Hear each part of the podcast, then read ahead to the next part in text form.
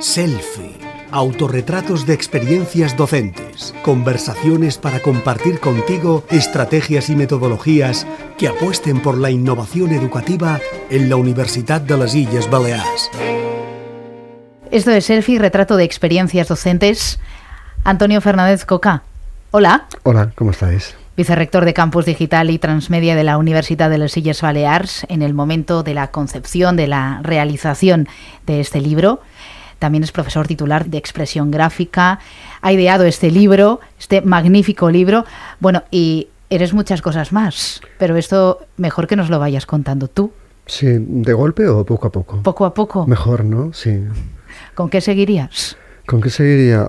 Bueno, un profesional, como toda la gente que participa en este libro, como todos los profesores y profesoras de la Universidad de Les Illes Baleares, que somos profesionales, que pensamos en, el estudiante que tenemos delante como eje de, la docencia y que por supuesto realizamos toda una labor de investigación, algunos con un nivel de publicación en función de su área, mayor o diferente, y otros que, que se investiga pues para para ver cómo impartir una mejor docencia para esos jóvenes que a fin de cuentas, jóvenes o no tan jóvenes que estudian y que a fin de cuentas son el germen y, la base de la sociedad en la que vivimos y vamos avanzando. El objetivo de este libro es ese, visibilizar todo lo que se hace en la Universidad de las Illes Baleares. Es imposible visibilizar todo lo que hacemos en la Universidad de Les Illes Balear a través de 14 o 15 experiencias que contamos en este, en este libro. Al menos las metodologías más innovadoras. Sí, y pueden ser las metodologías más innovadoras. Hay más, o sea, esto quizás es un spoiler de, de unas próximas ediciones que podamos hacer de, de esta publicación, de este libro, pero son las 14 que del año 2020, 2020, eh, se presentaron todavía presencialmente, no habíamos tenido todavía ningún tipo de confinamiento en la segunda jornada de experiencias docentes de la Universidad de las Islas Baleares. Y sin embargo, todas estas experiencias se adaptan a la perfección a las clases online. Sí, eso es lo bueno. Incluso era muy curioso porque cuando ni nos olíamos que iba a haber una pandemia o que nos iban a confinar o que la universidad iba a pegar este, este cambio que ha sido como traer un pan debajo del brazo. La pandemia tiene cosas muy malas pero tiene cosas muy, muy buenas eh, eh, en cuanto a los resultados si lo aplicamos a la docencia. Pues en, ese momento estaba escuchando todas aquellas presentaciones y pensaba, si mañana nos hacemos online, todas estas eh, experiencias se pueden llegar a aplicar. Son aplicables a presencial, a online, a todo. Hablabas de un pan. La gente quizá se ha descargado el código QR para escucharte antes que leer el artículo o quizá antes o después, ¿por qué no?, de haber visto la fotografía en la que, ¿por qué has decidido aparecer con un pan? Bueno, la fotografía del, del libro se encargaron a José Taltabul, que es un fotógrafo muy bueno, especializado en, publicidad, en moda. Hay muchas revistas, muchas publicaciones que, cuentan con su obra, también tiene un premio Laos, y que es uno de los premios más importantes en diseño a nivel internacional. Y José, que es eh, mallorquín, pues eh, otra de las razones por las cuales lo elegí como fotógrafo, pues eh, mm, nos propuso, cuando estábamos elaborando el concepto de esa fotografía, de que un objeto podía apoyar mucho la, la imagen de la persona que estaba ahí delante. Entonces cada uno elegimos un objeto que tuviera que ver, el mío fue un pan, yo creo que que el pan ha sido el alimento durante mucho tiempo de, gran parte de la sociedad, o ya se comen muchas más cosas, pero puede simbolizar ese alimento. La educación es un alimento social que necesitamos ir eh, llenando, necesitamos ir, eh, digamos, dotando de contenido. Y también este es un libro que nacía como un niño con un pan debajo del brazo. Yo quizás me quité 54 años, que son los que tengo en este momento, para para ser ese niño que venía con ese pan, ese pan que cada día intento llevar también a clase, no físicamente, pero sí metafóricamente, para que los estudiantes tengan cada vez más, más resultados. Tus clases empiezan con un spoiler, con la conclusión, con la resolución. ¿Por qué? ¿Cuáles son los beneficios académicos de hacer spoiler? Hacer un spoiler de una película es una faena. Si lo haces y cuentas el spoiler y te pasa y cuentas el final, en una clase es exactamente lo mismo. Es una faena. Pero si tú al inicio de la clase o al inicio de ese vídeo, porque haces una clase invertida, donde, donde ellos ven la teoría antes de llegar al aula, le haces una promesa de futuro, en función de qué vas a conseguir cuando logres todo aquello, tú despiertas la atención del estudiante de una manera mucho más poderosa. Esto no es nuevo. Esto si tú ves cualquier serie de televisión contemporánea, por ejemplo estoy pensando en una que se llama CSI, donde hay un asesinato y tú desde el principio ves eh, qué es lo que sucede, sabes quién va, quién va a fallecer, a quién van a asesinar en, en, ese, en esa serie, en ese capítulo concreto, el resto del capítulo lo que está viendo es cómo ha sido el proceso hasta llegar a eso. Yo no voy a matar a nadie. Claro. Me parece muy, muy, muy aburrido matar a nadie. Ahí lo importante no es quién ha muerto, sino quién ha sido el asesino. Sí, y aquí en este caso no sería ni siquiera quién ha sido el asesino, sino cómo puedo lograr toda la serie de herramientas para poder conseguir aquello que me han prometido al principio y sobre todo yo como estudiante, si me pusiera en su, en su papel, que es un papel que nos tenemos que poner mucho los profesores en el lugar del estudiante, ¿de qué manera podría coger eso para luego por mi cuenta decir, me lo creo o no me lo creo, pero quiero comprobarlo, quiero confirmarlo, quiero hacerlo por mi cuenta y oye, lo mismo descubro un camino más para ir más allá, porque nosotros los profesores somos vehículos, no somos fines. Dicen muchos profesores que en la docencia no puede existir la nostalgia, porque la forma de dar clase hoy es mucho mejor que hace 20 años, aunque quizá no hace falta irse tan lejos, 5 años. ¿Tanto han cambiado los estudiantes?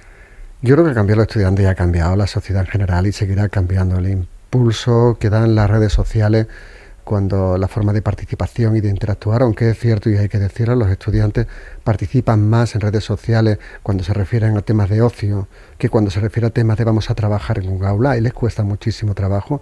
Quizás es el gran reto pendiente, quizás por eso también nuestra universidad apuesta por formar a, profesores en cursos sobre cómo motivar a los estudiantes en, en una sesión online, cosa que después puede traducir a una presencial o semipresencial entonces, eh, eso ha cambiado. Y con respecto a la, nostalgia, yo creo que está bien no tener nostalgia por un lado y está muy bien tenerla por otro lado. Yo creo que hay que tenerla para recordar que nosotros aprendimos así, que eso fue una base, pero que esa base hoy en día tenemos que dejarla en el cajón.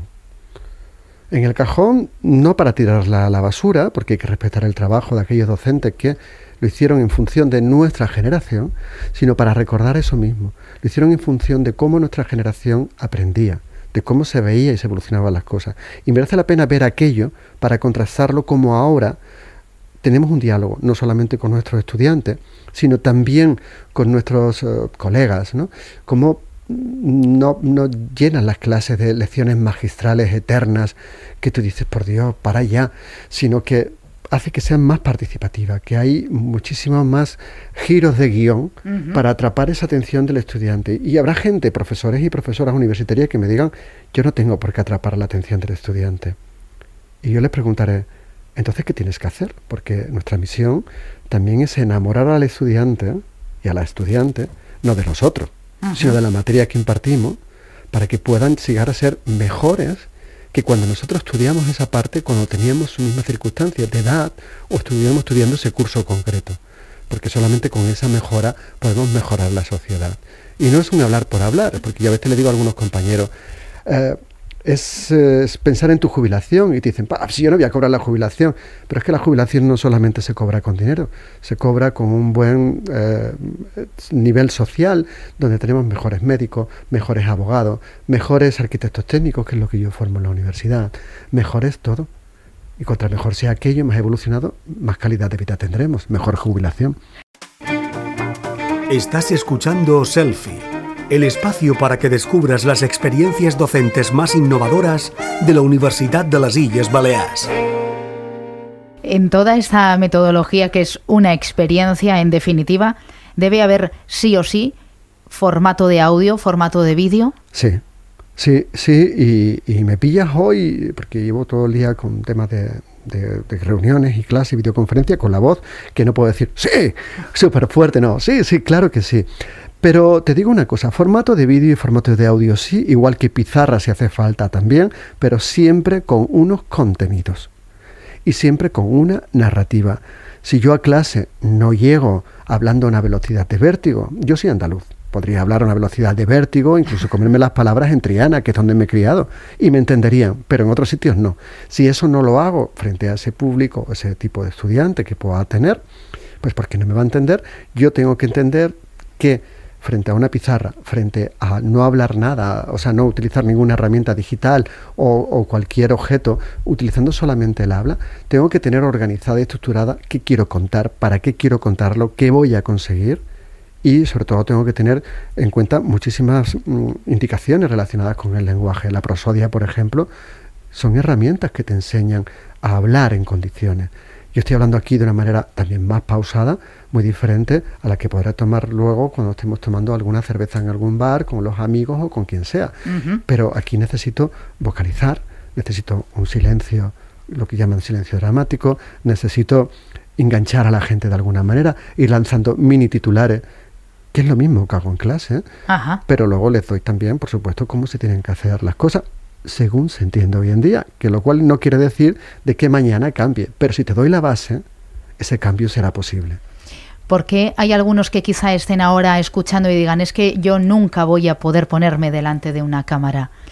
Pues yo te digo una cosa, yo empecé a ponerme, a ponerme delante de la cámara en el año 2011. Había empezado en el año 2010 a hacer vídeos para de apoyo a la docencia, una asignatura nueva que me había caído del cielo y que los alumnos tenían siempre las mismas dudas, las mismas temas y yo estaba montando la asignatura al mismo tiempo que estaba dándola, porque al profesor que, me tocó sustituir, que, era el que originariamente iba a dar esa asignatura, pues bueno, habían pasado una serie de cosas y me tocó a mí llevar las que llevaba más esa. Entonces al mismo tiempo que la preparaba, que hacía el material, tenía que tener mil tutorías con el mismo tema y dije, pues yo me los voy a grabar.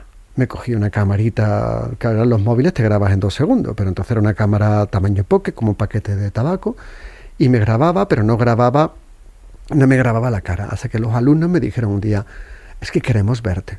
Y yo pensaba, pero Antonio, si eres más feo que pegarle a un padre, ¿cómo te vas a ver?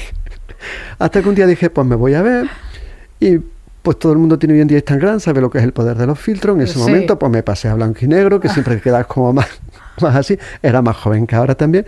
Y llega un momento que, que empiezas a plantearte decir, mira... Que pierdes la vergüenza. No solamente pierdes la vergüenza, que la pierdes, sino que ves los resultados.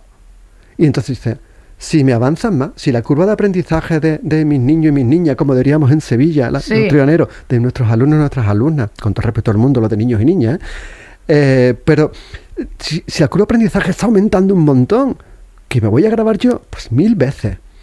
Que pasaba una cosa que te comentaba antes, que yo como andaluz, hablo andaluz, ahora no, ahora un andaluz mucho más neutro, pero cuando yo me ponía delante de la cámara o me ponía delante del, um, micrófono, eh, yo no me daba mucha cuenta, pero yo le pasaba esos audios a amigos para que me dijeran y me decían, hablas muy rápido, no te entiendo bien, te comen las palabras. Claro, lo que para mí era natural, porque me soltaba delante de la cámara, no era ahí. Buscabas una evaluación en gente de confianza. Y además hacía una cosa que yo invito a todo el mundo a hacer, descubrí cursos para aprender a hablar en público, para aprender a vocalizar delante de esto. Escuchaba muchísima radio. Eh, estas entrevistas no las hace Maitane Moreno, que es la que escribe el libro, pero Maitane Moreno es una, una maravillosa periodista que trabaja en la cadena SER y, ya sabes que... Eso es porque Antonio me quieres. Yo quiero a todo el mundo, es imposible odiar a nadie y menos a ti, pero aprendes mucho porque vas escuchando, entonces te escucho a ti o escucho a otros compañeros o compañeras de tu emisora u otras emisoras, eh, mucho tema de podcast que hoy en día hay muchas plataformas y son gratis, aprendes mucho, dices, ¿por qué me gusta esto? ¿Por qué no me gusta? ¿Qué entiendo? ¿Qué no entiendo? A la hora de hablar y lo iba aplicando a eso y al final es lo que lo que hace que cada vez vayamos puliendo más y más. Esto mismo lo intento decir también a los estudiantes. Yo al estudiante le digo otra cosa. Yo le digo yo cuando empiezo las clases, señores y señoras, eh, todo lo que os voy a contar aquí, no lo creáis. Pero no, ¿cómo te vas a creer lo que yo te voy a contar? Tú compruébalo. Porque tiene que vivirlo por sí Vívelo, compruébalo. Yo te voy a dar todas las pautas, los ejercicios. Si tú te vienes a una tutoría, que es otra parte de la metodología que, que uso, yo no te voy a, a, dejar que me digas, no lo entiendo. Yo quiero que me digas, esto en concreto que he hecho de esta manera, no lo entiendo. Por esto, por esto y por esto. Razonar, la no comprensión de un contenido. Son de los contenidos, son de la parte de competencia que también tenemos que dar a los estudiantes y que es parte de los apuestas por metodologías docentes, por la formación de nuestros estudiantes que llevamos a cabo aquí en la, universidad, en la Universidad de, de Les Illes Baleares. Por tanto, y para ir finalizando, podríamos hablar de diferentes metodologías, el spoiler, los vídeos o el audio fundamentales y razonar aunque no lo entiendas, razónalo. Razónalo. ¿eh? Razona que no lo comprendas. Hazlo, hazlo, hazlo para razonar. Y esto, más que metodología, serían herramientas para luego utilizarlo en un batiburrillo de metodología. Yo no creo que en la vida haya nada que sea blanco o negro. Yo creo que hay un matiz de color y que se pueden hacer cosas. Mm. Yo creo firmemente en el gazpacho. Mira, te voy a contar eso y ya vamos terminando como bien dice. Yo de la facultad, yo estudié Bellas Artes en Sevilla, salí, yo sabía pintar, aprendí a pintar, no sabía, aprendí, aprendí a dibujar, aprendí a diseñar, aprendí a grabar, aprendí a grabar no disco, a grabar grabados, ¿eh? a, a esculpir, aprendí un montón de cosas. A restaurar no, porque nunca me apunté a ninguna asignatura de restauración. Y fotografía, unos profesores que yo decía, sí, sí, yo la verdad es que he aprendido todo esto, he estudiado muchísimo, porque frente a la fama de que en Bellas Artes nos tocamos las narices, eso es mentira. Por supuesto que hay gente que se las toma, se las toca en Bellas Artes y en cualquier otra carrera. Y encima pruebas, desgraciadamente. Algún día hablaremos también de, ese tema. Pero yo salí de allí diciendo, a ver, ¿qué es esto? Aprendí tantas cosas y ahora qué hago, ¿no? Y al cabo del tiempo descubrí que me habían enseñado a hacer un gran gazpacho. Habían enseñado a elegir el mejor tomate, a discernir qué tomate era bonito pero sabía mal. El mejor ajo, la mejor cebolla. Y quien te dice eso, me habían enseñado las mejores técnicas de comunicación a través de la imagen. Me habían enseñado la mejor manera de contar las cosas a través de un diseño gráfico. Me habían contado la mejor manera de coger un volumen y esculpirlo para expresar un sentimiento, unas emociones, unas metáforas y provocar algo en la persona que te lo compraba. Porque a fin de cuentas en Bellas Artes trabajamos también para vender. Y cuando me di cuenta de todo aquello dije, ¡hala! A mí lo que me han enseñado es a tener todas las mejores herramientas para luego unirlas todo, mirar la carrera en conjunto, lo que antiguamente, ahora es un grado, antiguamente era en carrera, y hacer el mejor gazpacho del mundo. Eso es la metáfora de lo que yo intento con mis estudiantes. Esa es la metáfora de, de selfie. Todos los conocimientos lograron tener un sentido integral pasado un tiempo. Sí, pero nos pasa en todo en la vida. A veces te deja alguien y dice, ay, qué faena, y al tiempo piensa, pues qué regalo más grande me has hecho. Es lo mismo. Seguro que tienes eh, algún alguna anécdota de algún alumno que te ha dicho precisamente esto, quizá no con la metáfora del gazpacho, sí con otro ejemplo u otra imagen, pasado un tiempo. Pasado un tiempo me puedo remitir a, principios de, este año, bueno, cuando salimos del confinamiento, de un alumno que hacía mucho tiempo que no veía, que me reencontró por, por, por Instagram. ¿Y qué te dijo? Todas mis redes sociales pone Fernández Coca y me encuentra y me dijo vamos a cenar. Y fue la cena más espectacular y más bonita, no porque comiéramos mm, nada del otro mundo, que comimos bien, pero, pero por la conversación y cómo este alumno que había estudiado edificación pasa luego a arquitectura en otra ciudad y cómo toda esa parte que había aprendido a trabajar te lo, te lo agradece, ¿no? Cómo te cuenta lo que había contado allí, cómo es una persona que, de aquello que me decía aquí durante el curso, decía, qué profe más raro, cómo después todo aquello lo aplica ahí. Mm, va a quedar como muy farolero, no es el único caso, pero yo creo que a otros profesores y profesoras que me están escuchando ahora mismo les sucede exactamente lo mismo. Esto es común, ninguno somos únicos. Antonio Fernández Coca, muchísimas gracias. ¿Ya se acaba esto? Ya se ha acabado. Bueno, pero nos pueden seguir viendo en el libro, ¿no? Por supuesto. Leyendo, viendo las fotografías, viendo también los textos, leyendo los textos y sobre todo disfrutando que yo quisiera terminar dando las gracias, muchas gracias, como decimos aquí, a aquellos profesores de, nuestra universidad y profesoras involucradas que salen en el libro y que no salen en el libro. Hay que, hay que dejar muy claro que los profesores y profesoras que salen son los que participaron en la segunda jornada de experiencias docentes de la universidad y que habrá una tercera y una cuarta y una quinta y lo que el cuerpo aguante. Esto es solo el inicio. Sí. Gracias. A ti. Has escuchado Selfie, el espacio para que descubras las experiencias docentes más innovadoras de la Universidad de las Islas Baleares. Selfie Autorretrat d'experiències docents universitàries és fruit de les segones jornades d'experiències docents de la Universitat de les Illes Balears que tingueren lloc al gener de 2020. Els docents que apareixen en aquest treball són tots els qui varen participar en aquestes jornades exposant-hi i compartint-hi les seves aportacions innovadores. Aquesta publicació és possible gràcies a la convocatòria d'ajuts al Fons de Cooperació Universitària 2020 BDNS 495431 del Departament de Cultura, Patrimoni i Política Lingüística del Consell de Mallorca. L'edició 2020 d'aquesta publicació és un llibre interactiu que ha estat coordinat pel doctor Antonio Fernández Coca, escrit per la periodista Maitane Moreno, maquetat pel dissenyador Miquel Oleaga i que inclou les fotografies fetes per Josep Taltabull. Per a més informació, selfie.uib.eu